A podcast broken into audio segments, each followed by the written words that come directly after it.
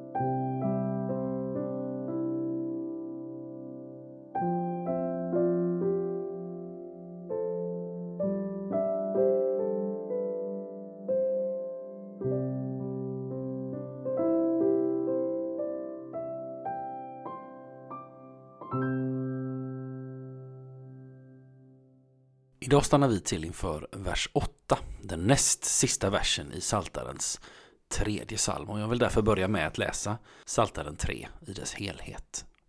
En psalm av David när han flydde för sin son Absalom. Herre, mina fiender är många. Många reser sig mot mig. Många säger om mig. Han får in hjälp av Gud. Men du, Herre, är min sköld och min ära. Du är den som ger mig seger. Jag ropar högt till Herren och han svarar från sitt heliga berg. Jag lade mig ner, jag sov, jag vaknade, Herren stöder mig. Jag fruktar ej för de tiotusen som ansätter mig från alla håll.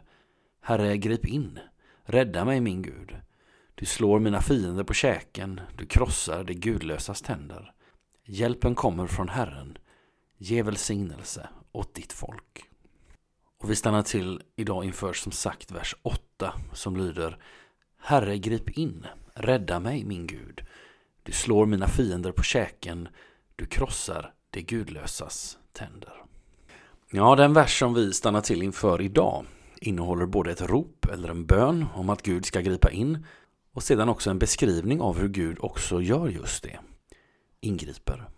Dagens vers innehåller tre aspekter av trons liv. Dels att jag får be och ropa till Gud om det som är min längtan och förhoppning. Dels att jag får lita på att Gud hör min bön och verkligen griper in på något sätt.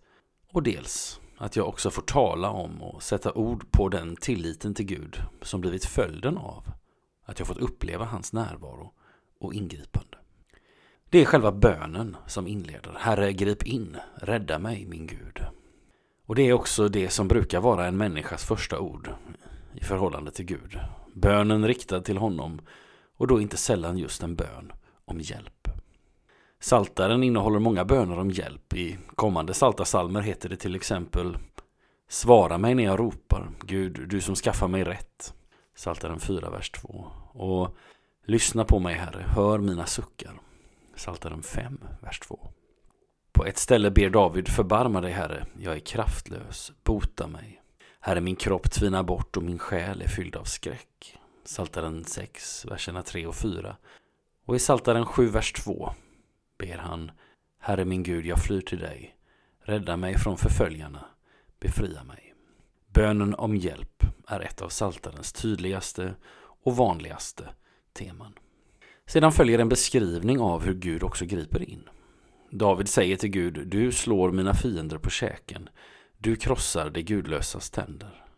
Här i vår vers tycks det handla om ett konstaterande, men David har faktiskt vid ett annat tillfälle bett om något liknande. Gud krossa tänderna i deras mun. Bryt lejonens käkar, Herre. Psaltaren 58, vers 7. Hur ska vi uppfatta dessa rader? Skadar Gud människor eller för den delen djur som ett sätt att svara på bönen jag ber? Ett sätt att förstå beskrivningen av Guds ingripande i den vers vi nu stannar till vid är att betrakta det Gud gör som att han fråntar den hotande fienden dennes makt eller förmåga att skada. I Saltaren beskrivs den bedjande människans fiender ofta som något slags rovdjur. På ett ställe heter det att de liknar lejonet, redo att riva, en bäst som ligger på lur. Saltaren 17, vers 2. Och Saltaren 22 beskriver både hur det spärrar upp sina gap som rovlystna, rytande lejon, vers 14, och att David ber Rädda mig undan svärdet, mitt liv ur hundarnas våld. Rädda mig ur lejonets gap, mitt arma liv undan vildoxens horn. Verserna 21 och 22. Det är dessa djurs förmåga att skada honom som David menar att Gud har gjort om intet. Vår himmelske fader vet vad som ansätter dig och mig och han har makten att rädda och göra det som vill skada oss om intet. På samma gång vill han skänka oss den besinning och den kärlek som hindrar dig och mig från att skada och angripa andra. Må ingen enda människa någonsin behöva be om att få bli räddade undan dig eller mig. Vi ber. Herre, du som känner mig helt igenom och som känner till vad jag behöver redan innan jag har börjat att be. Kom till mig med din hjälp. Du vet vad det är som ansätter mig och du har makten att stoppa den eller det som hotar mig. Men jag vill också be dig Herre, bevara mig från att skada andra människor, mig själv eller något i din skapelse. Hjälp mig se med kärlek och respekt på allt levande. I Jesu namn. Amen.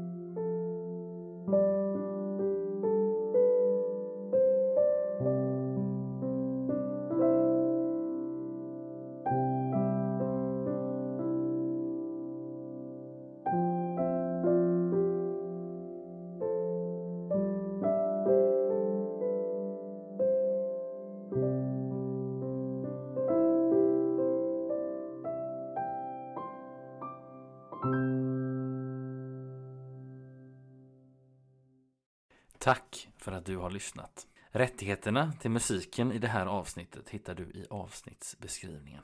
Tills vi hörs igen önskar jag dig allt gott och Guds rika välsignelse. Hejdå!